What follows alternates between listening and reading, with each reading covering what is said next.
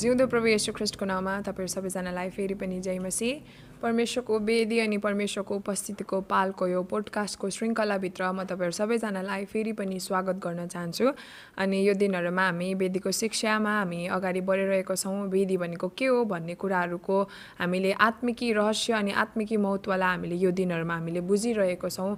अनि म तपाईँहरूलाई धन्यवाद दिन चाहन्छु। जतिजना हामीसँग डेली जोडिरहनु भएको छ यो शिक्षामा हामी हामी हुर्किँदैछौँ। परमेश्वरले दिनुभएको यो शिक्षामा अनि प्रभुलाई महिमा भएको होस् यो जति पनि तपाईँ तपाईँहरूले पोडकास्टहरू सुन्नुहुँदैछ अथवा हेर्नुहुँदैछ यसको अगाडिको एपिसोडहरू अनि आउने एपिसोडहरूलाई तपाईँहरू सबैजनाले जेनिया उपथियोस मिनिस्ट्रीको अफिसियल च्यानलबाट युट्युब फेसबुक अनि स्पोटिफाई मार्फत पनि तपाईँहरूले सुन्नु सक्नुहुन्छ। अनि यो सुनेपछि तपाईँहरूले सिक्नु भएपछि है तपाईँहरूले आफ्नो साथीभाइ आफ्नो युथ ग्रुप्सहरूमा अथवा आफ्नो परिवारलाई पनि यो वेदीको आत्मिकी रहस्य अनि आत्मिकी महत्त्वको बारेमा तपाईँहरूले आशिष बाँड्नु सक्नुहुन्छ अथवा सिकाउनु सक्नुहुन्छ है। प्रभुलाई महिमा भएको आउनुहोस्। आजको शिक्षालाई अगाडि बढाउनुभन्दा अगाडि हामी परमेश्वरसँग हामी प्रार्थना गर्नेछौँ। धन्यवाद महान जीवित दयालु परमेश्वर। प्रभु सब सबै कुराको अधिकार चाहिँ तपाईँ यीशु ख्रिस्टकोमा छ। अनि वचनले भन्छ मेरो परमेश्वर त्यो सबै मोहरहरूलाई खोल्ने अधिकार चाहिँ तपाईँ यीशु ख्रिस्टकोमा छ भनेर प्रभु म प्रार्थना गर्छु। आजको यो विधिको शिक्षामा प्रभु जस्तै हामी छौँ हरेक मोहरहरू चाहिँ तपाईँ परमेश्वरले खोलिदिनुहोस् प्रभु। जुन मोहरहरू चाहिँ तपाईँ परमेश्वरले दानियलको समयमा प्रभु बन्द गरेर राख्नु भनेर तपाईँले भन्नुभयो प्रभु। अनि साँच्चै नै प्रभु आज हामी यो अन्तिम दिनहरूमा जिउँदै गर्दाखेरि चाहिँ स्वर्गको रहस्यहरूलाई त्यो मिस्ट्रिजहरूलाई प्रभु हामी खोल्न माग्दछौँ प्रभु। हामी बुझ्न चाहन्छौँ मेरो परमेश्वर तपाईँ परमप्रभुको त्यो महिमालाई प्रभु त्यो तपाईँ परमेश्वरको राज्यको त्यो सिक्रेट्सहरूलाई प्रभु हामी जान्न चाहन्छौँ मेरो परमेश्वर तपाईँले खोलिदिनुहोस् प्रभु ताकि साँच्चै नै प्रभु तपाईँको रहस्यको तपाईँ परमेश्वरको ओ त्यो महिमालाई चाहिँ साँच्चै नै प्रभु हामी जिएर अनि तपाईँ परमेश्वरको महिमा अनि तपाईँको राज्यलाई चाहिँ हामी बढाउन सकौँ भनी म प्रार्थना चढाउँछु। धन्यवाद प्रभु आजको वेदीको शिक्षामा प्रिय पवित्र तपाईँ परमेश्वरले अगुवाई गर्नुहोस् तपाईँले लिड गर्नुहोस् तपाईँ परमेश्वरले प्रभु त्यो गहिराई अनि गुप्तको को कुराहरूलाई प्रकट गरिदिनुहोस् प्रभु प्रकाशित गर्नुहोस् भनी म प्रार्थना चढाउँछु। धन्यवाद फेरि पनि यो समय दिनुभयो प्रभु। उपरान्त सबै थोक तपाईँको हातमा समर्पण गर्छु। जस्तो स्वर्गमा इच्छा छ प्रभु त्यस्तै यस पृथ्वीमा हाम्रो जीवनमा पुरा भएको होस् भनी म प्रार्थना चढाउँदै सबै महिमा तपाईँलाई चढाउँदै आशिष माग्छु। जिउँदो यसु ख्रिस्टको उच्च अनि पवित्र नाउँमा आमेन। हुन्छ परमेश्वरलाई महिमा भएको होस् हामीले हिजोको एपिसोडहरूमा अथवा अहिलेसम्म हामीले के सिकिरहेको थियौँ भन्दाखेरि चाहिँ कि कसरी हाम्रो जीवनमा चाहिँ एउटा आत्मिकी वेदी निर्माण हुनुपर्ने रहेछ भन्ने कुराहरू है। फेरि पनि म तपाईँहरूलाई जोड दिन चाहन्छु कि यो सबै हामी जति पनि हामी सिकिरहेको छौँ हामी दिनदिनै हामीले अथवा हामीले हामीले बुझिरहेको छौँ यो कुरा हामीले एकदमै आत्मिकी क्षेत्रमा हामीले बुझ्दैछौँ। यसको वेदीको आत्मिकी महत्त्वलाई हामी बुझिरहेको छौँ। हामीले यसको फिजिकल कुराहरूलाई अथवा हामीले लिटरली त्यो माटोको वेदी तपाईँले ढुङ्गाको वेदी बनाउनुहोस् भनेर हामीले यो कुरामा हामीले एन्करेज गरेको छैनौँ। तर हामी यसको आत्मिकी महत्त्व अनि आत्मिकी स्पिरिचुअल सिग्निफिकेन्सहरूलाई हामी बुझिरहेको छौँ भन्ने कुराहरूलाई म फेरि पनि तपाईँहरूको अगाडि म जानकारी दिन चाहन्छु। अनि प्रभुलाई महिमा भएको छ हामीले हिजो हेर्दैथ्यौँ कि कसरी त्यो समयहरूमा चाहिँ वेदी सुरु भयो अनि कसरी एउटा रगतले चाहिँ अथवा एउटा थुमाको रगतले जुन निष्कलङ्क अनि पवित्र थुमाको रगतले चाहिँ मानिस जाति अनि परमेश्वरको बिचमा चाहिँ एउटा सम्बन्धलाई ल्यायो अथवा एउटा नयाँ करारलाई एउटा न एउटा करारलाई लिएर आएको थियो। अनि यो सबै कुरा चाहिँ एउटा वेदीबाट सुरु भएको थियो भन्ने कुराहरू हामीले बुझ्दैथ्यौँ। कसरी नुहाको वेदीबाट एउटा करार मानिस जातिसँग परमेश्वरले सुरु गर्नुभएको थियो। अनि त्यो करार चाहिँ अहिलेसम्म पनि वास्तविकतामा परमप्रभुले गर्नुभएको करार चाहिँ अहिलेसम्म पनि स्टिल यो चाहिँ रहि नै रहेको छ भन्ने कुराहरू है। त्यो प्रतिज्ञा चाहिँ परमप्रभुले अहिलेसम्म पनि त्यो करार चाहिँ बाँधि नै रहनु भएको छ भन्ने कुराहरू हामीले बुझ्दैथ्यौँ अनि कहाँनिर परमप्रभुले कसरी कति बेला चाहिँ मान्छेहरू चाहिँ परमेश्वरको अगाडि चाहिँ उनीहरू जानु सक्थेन त्यति बेला है? मान्छेहरू चाहिँ यसरी जसरी हामी अहिले खुल्लम परमप्रभुसँग प्रार्थना गर्दैछौँ यसरी परमेश्वरको बारेमा त्यति बेला चाहिँ उनीहरू मान्छेहरूलाई चाहिँ परमप्रभुको नाउँ उच्चारण गर्नु पनि अलाउ थिएन वास्तविकतामा। परमेश्वरको नजिक जानु अथवा परमेश्वरको त्यो उपस्थितिलाई थाहा गर्नु त झन् टाढोकै कुरा थियो है। तर परमप्रभुले एउटा धर्मीजन एउटा मोसालाई चुन्नुभयो अनि परमेश्वरले मोसाद्वारा चाहिँ मानिस जातिसँग फेरि पनि त्यो सम्बन्धलाई फेरि जोड्नको लागि चाहिँ मोसालाई धेरैवटा कुराहरू इन्स्ट्रक्ट परमेश्वरले गर्नुभयो। अनि तीमध्ये एउटा चाहिँ बेदी थियो है। अनि बेदीमा चाहिँ बेदी चाहिँ यस्तो ठाउँ हो जुन जुन ठाउँमा चाहिँ एउटा रगतलाई लगेर रगत छिर्किनु पर्ने हुन्थ्यो। त्यहाँनिर चाहिँ एउटा सेक्रिफाइस हुन्थ्यो अनि त्यहाँनिर चाहिँ एउटा रगत चाहिँ बहाइने ठाउँ चाहिँ एउटा वेदी थियो। अनि हामीले यसको आत्मिकी कुरालाई हामीले बुझ्दैथ्यौँ कि कसरी एउटा रगत एउटा वेदीले चाहिँ एउटा न्यू बिगिनिङ अथवा एउटा ढोका अथवा एउटा नयाँ सुरुवातलाई है पनि बुझाउँछ। अनि वेदीबाट चाहिँ कसरी एउटा ग्रेस पनि सुरु हुन्छ भन्ने कुराहरू पनि हामीले यो दिनहरूमा हामीले बुझिरहेको छौँ। अनि परमप्रभुलाई महिमा भएको होस् अनि हामी हामी हिजो हेर्दैथ्यौँ कि कसरी त्यो रगतलाई जब मुसाले मानिसलाई छिर्कियो अनि आधी रगत चाहिँ वेदीमा छिर्किँदै गर्दाखेरि चाहिँ कसरी मान्छेहरू त्यहाँको पुजारीहरू अन्त त्यो सत्तरीजना बुढा अगुवाहरू चाहिँ त्यो लिडर्सहरू चाहिँ कसरी परमेश्वरको नजिकमा उनीहरू जानु सक्यो एउटा रगत छिर्किएपछि मात्रै चाहिँ उनीहरूको पाप क्षमा भएपछि मात्रै चाहिँ है उनीहरू अगाडि परमेश्वरको अगाडि जानु सक्यो भन्ने कुराहरू हामीले हिजो बुझ्दैथ्यौँ अनि आज हामी अब हामी अगाडि परमप्रभुले अब चाहिँ त्यहाँदेखि चाहिँ के गर्नुभयो त भन्ने कुराहरू हामी अलिकति छोटकारीमा हामी हामी हेर्नेछौँ हामी बुझ्नेछौँ। यो विधि हामी बुझ्दै गर्दाखेरि अनि परमप्रभुले त्यहाँदेखिको चाहिँ के गर्नुभयो भन्दाखेरि हामी यदि प्रस्ताव प्रस्थान चौबिसको बाह्र अध्यायदेखिका हामी हेर्छौँ भने त्यहाँदेखि परमेश्वरले के गर्नुभयो भन्दाखेरि चाहिँ म बाह्र अध्यायदेखि म पढ्दैछु प्रस्थान चौबिसको बाह्र अध्याय। अनि परमप्रभुले मोसालाई भन्नुभयो पर्वतमाथि आएर त्यहाँ मेरो सामु बस। तैँले तिमी तिनीहरूलाई सिकाउनलाई मैले लेखेका आज्ञाहरू र व्यवस्थाका ढुङ्गाका पिटीहरू तँलाई दिनेछु। तब मोसा र तिनका सेवक यौसु उठेर परमेश्वरको पर्वतमा गए अब मोसाले बुढा प्रधान्तहरूलाई भने हामी तिमीहरू कहाँ नआउन्जेल तिमीहरू यहाँ हामीहरूलाई पर्ख। हारुन र हुर तिमीहरूसँग छन्। कसैको केही कुरा भए तिमी तिनीहरू कहाँ जाउनु? तब मोसा पर्वतमा उक्लेर बादलले पर्वतलाई ढाक्यो। परमप्रभुको महिमा सिनाई पर्वतमा रह्यो र बादल बादलले छ दिनसम्म पर्वतलाई ढाकिरहन्थ्यो। सातौँ दिनमा उहाँले बादलको बिचबाट मोसालाई बोलाउनु भयो इजरायलीहरू इजरायलीहरूको दृष्टिमा परमप्रभुको महिमाको रूप पर्वतको ढाकुरामा भस्म पार्ने आगो जस्तै थियो। औ मोसा बादलको बिचमा भएर पर्वतमा उक्ले र तिनी पर्वतमा चालिस दिन र चालिस रात रहे। मेन यहाँ परमे परमेश्वरले अब के गर्नुभयो भन्दै गर्दाखेरि चाहिँ यो वेदी बनायो अनि उनीहरूले रगत छिर्क्यो अनि मान्छेको बिचमा पनि उसले रगत छिर्यो अनि परमेश्वरको नजिक उनीहरू जानु पनि सक्यो है। अब परमप्रभुले फेरि मुसालाई भन्नुहुँदैछ तँ चाहिँ अब माथिनिर आइज अनि यो सबैजना मान्छेहरूलाई चाहिँ तलनिर पठा भनेर परमप्रभुले भन्नुभयो अनि मोसा माथि जाँदै गर्दाखेरि चाहिँ यहाँनिर त्यो सत्तरीजना अगुवाहरूलाई चाहिँ तिमीहरू चाहिँ तल बेसीमै बस्दै गर्नु। म चाहिँ माथि परमेश्वरलाई भेट्नु जान्छु भनेर मोसा गएको छ अनि त्यहाँदेखिको हुर अनि हारुनलाई चाहिँ त्यो मान्छेहरूलाई इजरायलीहरूको चाहिँ देखरेख गर्नु भनेर चाहिँ लिड गर्दै गर्नु उनीहरूलाई लिड गर्दै गर्नु भनेर चाहिँ हार अनि हारुनलाई चाहिँ त्यहाँनिर मोसाले अपोइन्ट गरेर चाहिँ ऊ चाहिँ माथिनिर पर्वतमा गएको छ है। अनि परमप्रभुको त्यो बाक्लो महिमाको बादलले त्यो ठाउँमा ढाकेको छ भन्ने कुराहरू हामीले यहाँ भेटाउँछौँ। अनि ऊ चालिस दिन चालिस रात परमप्रभुसँग त्यो पर्वतमा ऊ बस्दै गर्दाखेरि चाहिँ परमप्रभुले त्यति बेला चाहिँ मुसालाई चाहिँ के दिनुभयो भन्दाखेरि चाहिँ त्यो आज्ञाहरू दिनुभयो अनि परमप्रभुले यस्तो इन्स्ट्रक्सन्सहरू दिनुभयो। त्यो चाहिँ के थियो भन्दै गर्दाखेरि चाहिँ परमप्रभु परमेश्वर चाहिँ नि वास्तविकतामा मानिस जातिहरूसँग चाहिँ मानिस जातिहरूसँगै बस्नु चाहिँ परमेश्वरको इच्छा हो। हामी परमप्रभुको इच्छा चाहिँ कहिले पनि यो होइन हामी मान्छे चाहिँ तल अनि परमप्रभु चाहिँ माथि परमप्रभुको परमप्रभु चाहिँ जहिले पनि हामी माझमै in the mist of us है? मानिस जातिको बिचमा नै परमप्रभु जहिले पनि बास गर्नु परमेश्वरको इच्छा हो परमप्रभु चाहनुहुन्थ्यो। अनि जब परमेश्वरले मोसालाई त्यहाँ माथिनिर बोलाउनु भयो त्यति बेला चाहिँ मोसालाई परमेश्वरले पवित्र स्थान र त्यसका सामानहरूको इन्स्ट्रक्सन्सहरू दिनुभयो।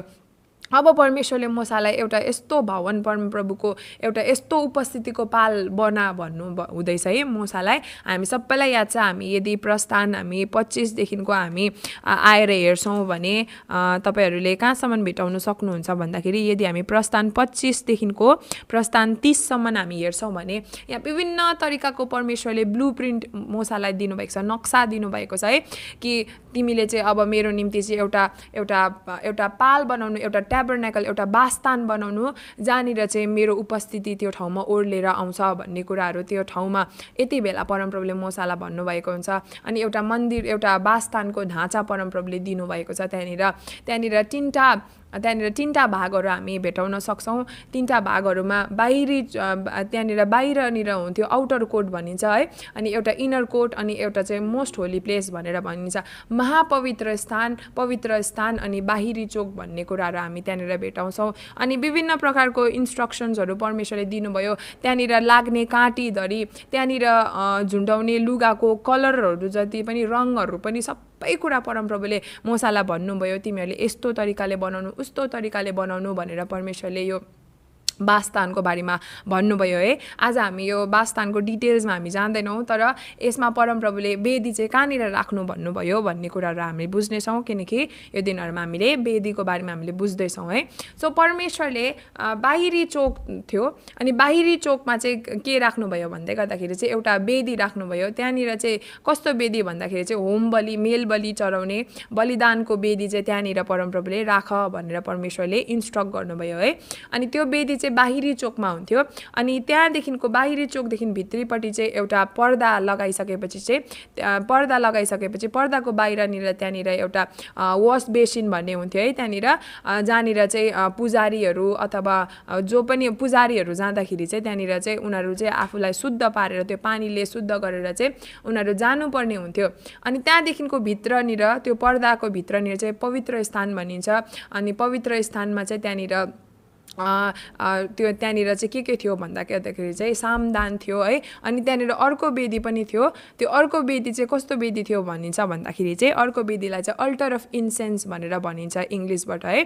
त्यहाँनिर चाहिँ के थियो भन्दा धुप धुप बाल्ने त्यहाँनिर वेदी थियो। अनि अर्को त्यहाँनिर चाहिँ के थियो भन्दै गर्दाखेरि चाहिँ त्यहाँनिर table of the showbread भनिन्छ है। त्यहाँनिर परमेश्वरको त्यहाँनिर रोटी राख्ने ठाउँ पनि त्यहाँनिर त्यहाँनिर थियो। त्यहाँदेखिको फेरि एउटा कर्टन थियो। त्यहाँदेखिको भित्र मात्रै चाहिँ महापवित्र स्थान थियो। अनि त्यो महापवित्र स्थानमा चाहिँ परमेश्वरले के राख्नु भन्नुभएको थियो भन्दाखेरि चाहिँ करारको सन्दुक चाहिँ त्यहाँ राख्नु भन्नुभएको थियो। अनि करारको सन्दुकभित्र चाहिँ परमेश्वरले त्यति बेला चाहिँ के थियो भन्दाखेरि चाहिँ त्यहाँनिर दसौँ आज्ञाहरू जो चाहिँ परमेश्वरले मोसालाई त्यहाँनिर ढुङ्गाको पेटीमा लेखेर दिनुभएको थियो हो त्यो त्यो पेटी चाहिँ परमेश्वरले करारको सन्दुकभित्र राख्नु भनेर चाहिँ त्यो महापवित्र स्थानमा परमेश्वरले राख्नु भन्नुभएको थियो। अनि यहाँनिर चाहिँ कस्तो थियो भन्दाखेरि गर्दाखेरि चाहिँ अब इजरायलीहरू सारा छ तर यो इजरायलीहरू सबै इजरायलीहरूको बिचमा चाहिँ यो बासस्थान वास्तविकतामा परमेश्वरले बनाउनु भन्नुभएको थियो। अनि यहाँ बासस्थानभित्र चाहिँ केवल परमेश्वरले छान्नु भएको है पुजारीहरू मात्रै चाहिँ भित्र जानु पाउँथ्यो। लेबीको कुलको पुजारीहरू परमेश्वरले छान्नु भएको थियो। लेबीको कुललाई चाहिँ एकदमै परमेश्वरको निम्ति एउटा पुजारी परमप्रभुले छान्नु भएको थियो अनि उनीहरूलाई मात्रै थियो। त्यहाँभित्र मन्दिरमा कामहरू गर्नुदेखि लिएर मन्दिरको वेदी सफा गर्नु मन्दिरमा जे जे पनि कामहरू हुन्थ्यो त्यो बासस्थानभित्र त्यो सबै कामहरू चाहिँ लेबीको कुलको घरानाले मात्रै गर्नु परमेश्वरले दिनुभएको थियो। अनि महापुजारीहरू चाहिँ को थियो भन्दाखेरि चाहिँ महापुजारीहरू चाहिँ हारुनको वंशलाई हारुनको परिवारलाई चाहिँ परमेश्वरले महापुजारी नियुक्त गर्नुभएको थियो। अनि त्यो महापुजारीहरूले चाहिँ के गर्थ्यो भन्दाखेरि चाहिँ वर्षमा यस्तो एउटा दिन आउँथ्यो जुन दिन चाहिँ डे अफ अटोनमेन्ट पनि भनिन्छ। है जुन दिनमा चाहिँ महापुजारी एकजना जो चाहिँ हारुन थियो त्यो समयको अनि ऊ हारुन मात्रै चाहिँ भित्र महापवित्र स्थानमा उनीहरू पस्नु पाउँथ्यो। अनि ऊ गएर चाहिँ के गर्थ्यो भन्दै गर्दाखेरि चाहिँ जब उसले महापुजारीले चाहिँ एउटा एउटा एउटा साँडेको अथवा एउटा निष्कलङ्क अनि पवित्र थुमाको रगतलाई लिएर भित्र गएर त्यहाँनिर वेदीमा छर्केर अनि भित्र गएर त्यो करारको सन्दुकमा त्यहाँनिर छर्किएपछि मात्रै चाहिँ के हुन्थ्यो भन्दाखेरि चाहिँ एउटा मान्छेको पाप क्षमा हुन्थ्यो है। इयरली त्यो तरिकाको गर्नुपर्ने हुन्थ्यो। अथवा कोही बाहिरको मान्छेहरूलाई नर्मल मान्छेहरूलाई चाहिँ मन्दिरको मन्दिरको छेउमा जानु चाहिँ अलाउ थिएन। तर बाहिर यो वेदीसम्म चाहिँ अलाउ थियो। तर पवित्र स्थान अनि महापवित्र स्थानमा पस्नु चाहिँ जो पायो त्यसलाई चाहिँ अलाउ थिएन है। जो पायो त्यो चाहिँ जानु सक्थेन। त्यो भित्र गयो कि त परमेश्वरको पवित्रताको कारणले गर्दाखेरि मान्छेहरू मर्थ्यो।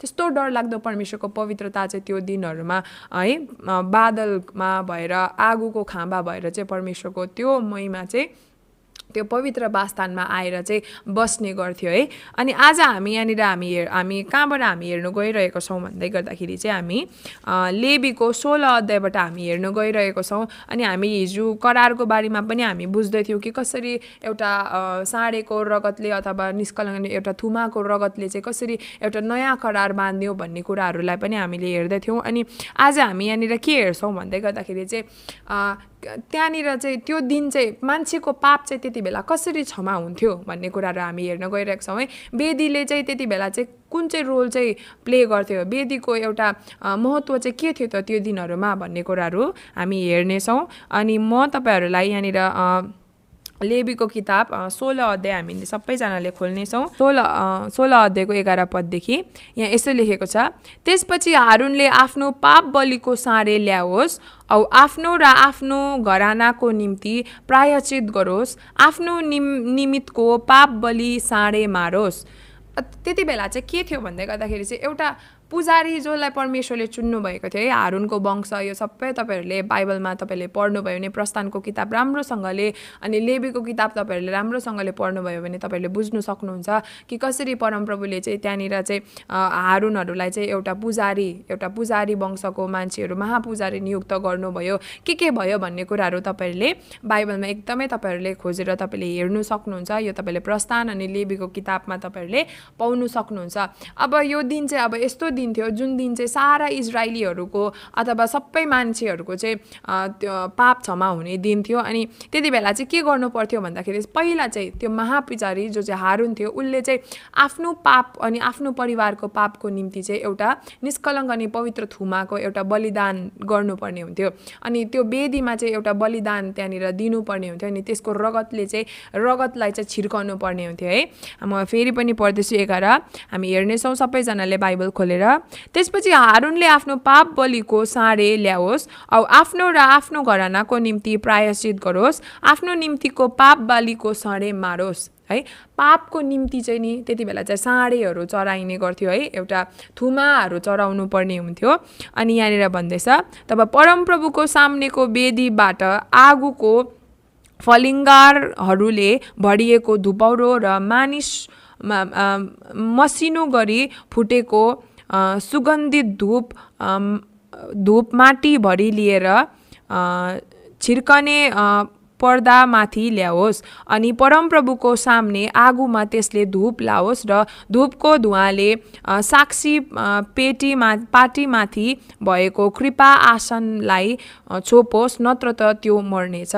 अनि त्यहाँदेखिको चाहिँ के गर्नुपर्ने हुन्थ्यो भन्दाखेरि चाहिँ यो पृष्ठको काम चाहिँ के थियो भन्दै गर्दाखेरि चाहिँ महापुजारी हाई पृष्ठको काम चाहिँ के थियो भन्दै गर्दाखेरि चाहिँ उसले चाहिँ त्यति बेला आफ्नो पाप अनि आफ्नो परिवारको पापको निम्ति पहिला बलिदान ल्याउनु पर्थ्यो एउटा साँडेलाई बलि गर्नु पर्थ्यो। त्यहाँदेखिको बाहिरको जुन चाहिँ वेदी थियो त्यो आउटर कोर्टको त्यो बाहिरी चोकको वेदीबाट चाहिँ आगोलाई लिएर चाहिँ त्यो धुपौरोलाई लिएर चाहिँ ऊ भित्र जानुपर्ने हुन्थ्यो। त्यो सन्दुक भएको ठाउँमा महापवित्र स्थानमा ऊ पसेर पस्नुपर्ने हुन्थ्यो। अनि त्यो पस्दै गर्दाखेरि चाहिँ त्यो धुप चाहिँ यस्तो हुनुपर्थ्यो। त्यो धुप त्यो धुपले चाहिँ वास्तविकतामा चाहिँ त्यो सबै महापवित्र स्थानलाई चाहिँ ढाक्नुपर्ने हुन्थ्यो। त्यो तरिकाको धुप चाहिँ सुगन्धित धुप चाहिँ उसले चाहिँ बोकेर लानुपर्ने हुन्थ्यो। यदि उसले त्यो त्यो धुप चाहिँ त्यस्तो डरलाग्दो धुवा सोरेको थिएन भने चाहिँ के हुन्थ्यो भन्दाखेरि चाहिँ उसको त्यो ठाउँमा मृत्यु पनि हुनसक्थ्यो।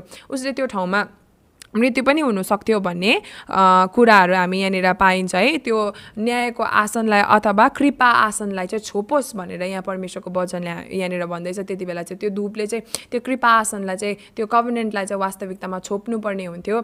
अनि यहाँनिर के लेखेको छ भन्दाखेरि चाहिँ नत्र त त्यो मर्नेछ।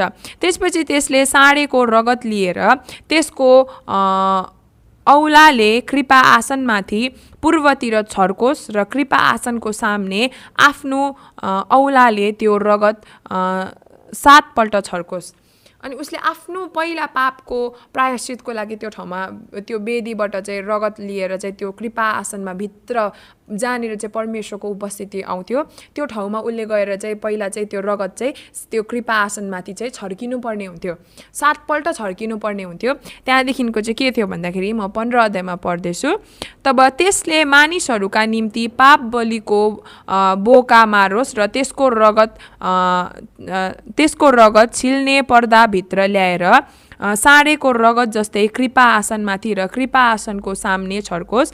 यसरी इजरायलीहरूका अशुद्धि अपराध र तिनीहरूका जम्मैका पापको लागि पवित्र स्थानको निम्ति त्यसले प्रायश्चित गरोस्। तिनीहरूको अशुद्धिको मध्यमा भएको भेट हुने पालको निम्ति पनि त्यसले त्यसै गरोस्। जब हारुन प्रायश्चित गर्नलाई पवित्र स्थानमा पस्छ त्यसले आफ्नो निम्ति आफ्नो घरानाको निम्ति र इजरायलमा जम्मै समुदायको निम्ति प्रायश्चित गरोस्।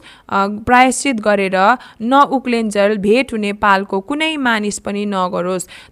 भेट हुने पालमा कुनै मानिस पनि नरहोस् तब त्यसले बाहिर वेदीमा गएर परमप्रभुको सामने त्यसको निम्ति प्रायश्चित गरोस् सारे र बोकाको रगत लिएर सा वेदीको चारैतिरका सिङहरूमा लगाओस् अनि रगतबाट आफ्नो औलाले सातपल्ट त्यसमाथि छर्किएर इजरायलीहरूको अशुद्धिबाट वेदीलाई शुद्ध र पवित्र गरोस्। आमेन।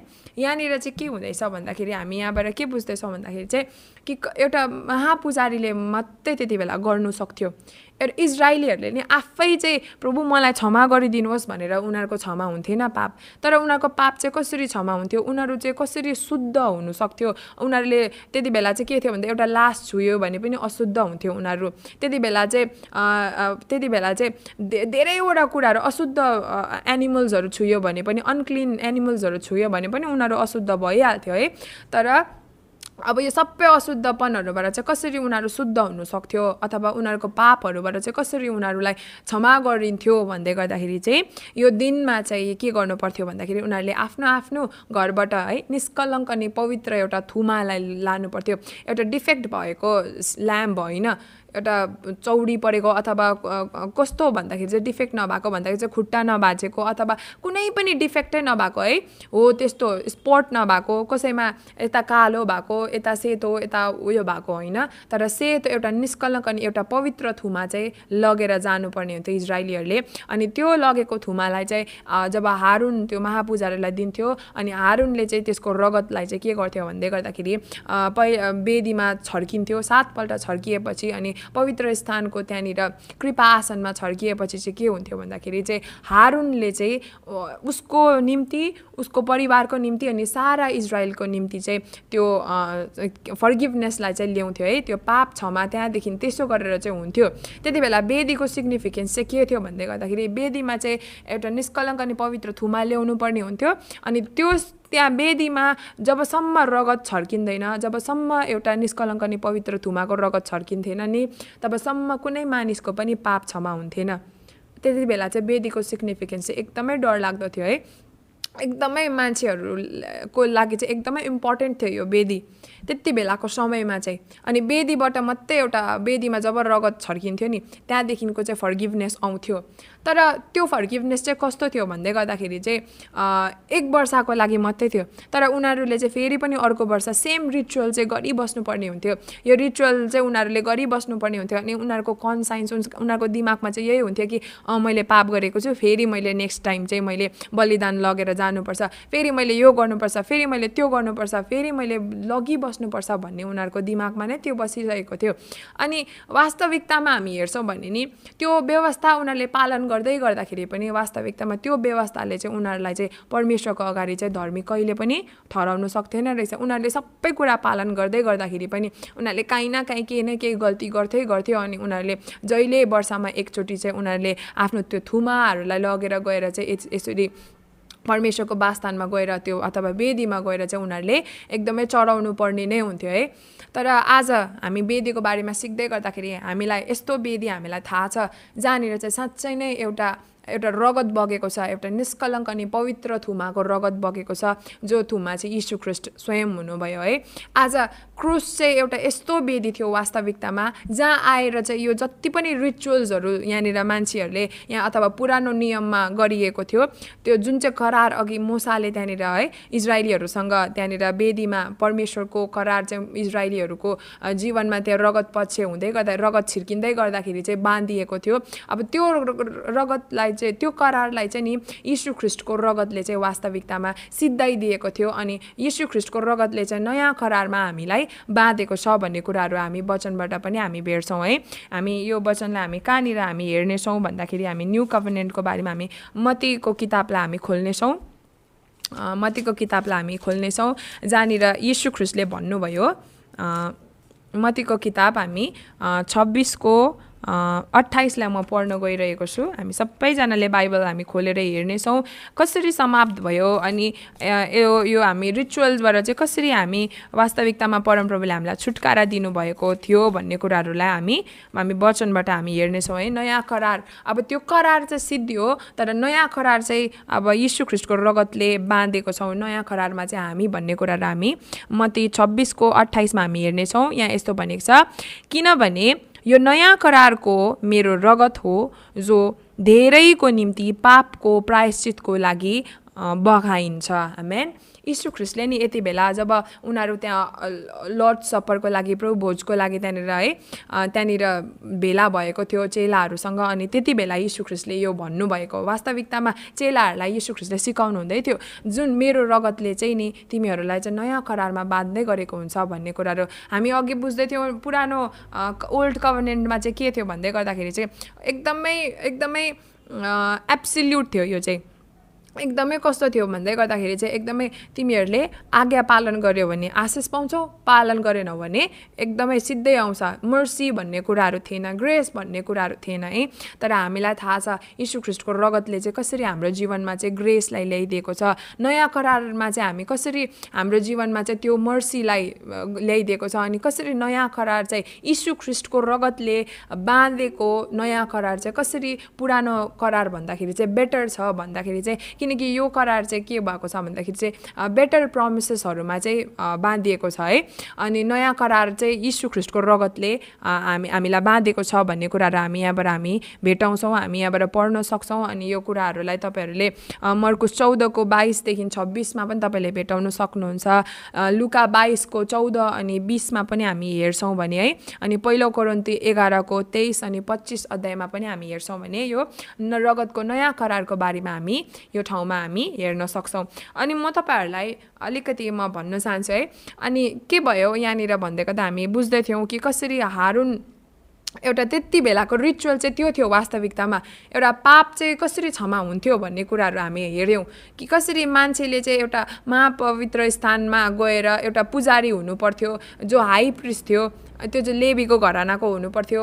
अनि उसले गर उसले उसले उसले त्यो रिचुअल्सहरूलाई जब फलो गर्थ्यो पुरा गर्थ्यो त्यति बेला मात्रै मान्छेको पापहरू क्षमा हुन्थ्यो भन्ने कुराहरू हामी हेर्दैथ्यौँ है।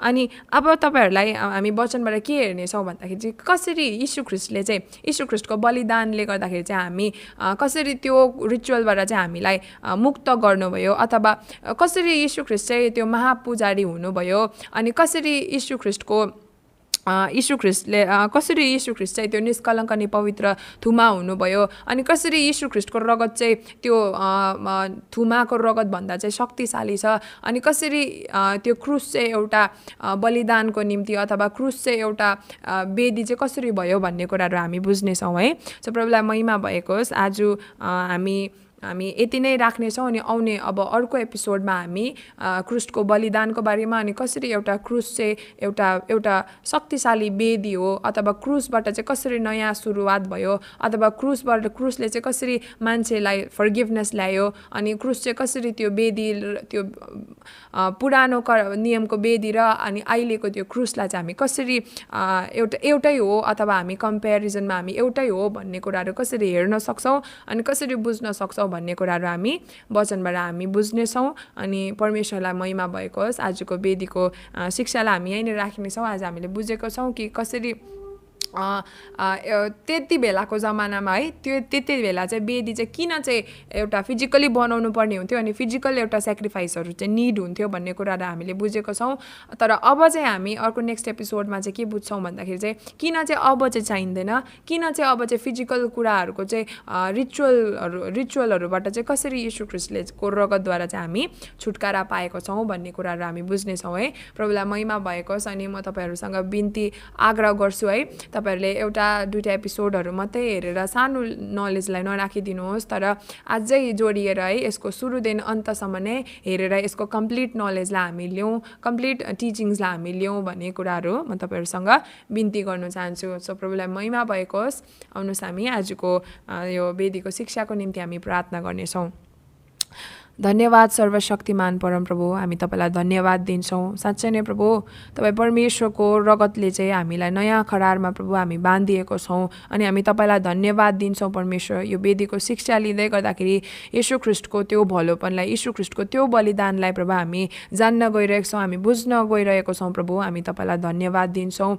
धन्यवाद तपाईँ परमेश्वरले यो समय तपाईँले दिनुभयो। यो प्रकाशहरू तपाईँ परमेश्वरले प्रभु हामी माझमा खोल्नु हुँदैछ प्रभु। हामी तपाईँलाई धन्यवाद दिन्छौँ। गर्छौँ आउने दिनहरूको प्रभु आउने एपिसोडमा पनि अझै तपाईँ परमेश्वरको आत्माको अगुवाईमा अझै यसको घनिष्ठतामा अझै प्रभु गहिरो कुराहरू अनि त्यो रहस्यको कुराहरू तपाईँ परमेश्वरले खोलिदिनुहोस् हामी माझमा भनी म प्रार्थना बिन्ती तपाईँसँग टक्राउन चाहन्छु। धन्यवाद प्रभु आजको यो वचनको लागि। प्रभु यो वचनको शिक्षालाई साँच्चै नै हामी सुन्ने मात्रै होइन तर हाम्रो जीवाई पनि प्रभु भएको होस् प्रभु भनी म प्रार्थना चढाउँदै सब सबै महिमा तपाईँलाई भएको होस् भन्दै बिन्तीलाई माग्छु। जिउँदो ख्रिस्टको उच्च अनि पवित्र नाउँमा।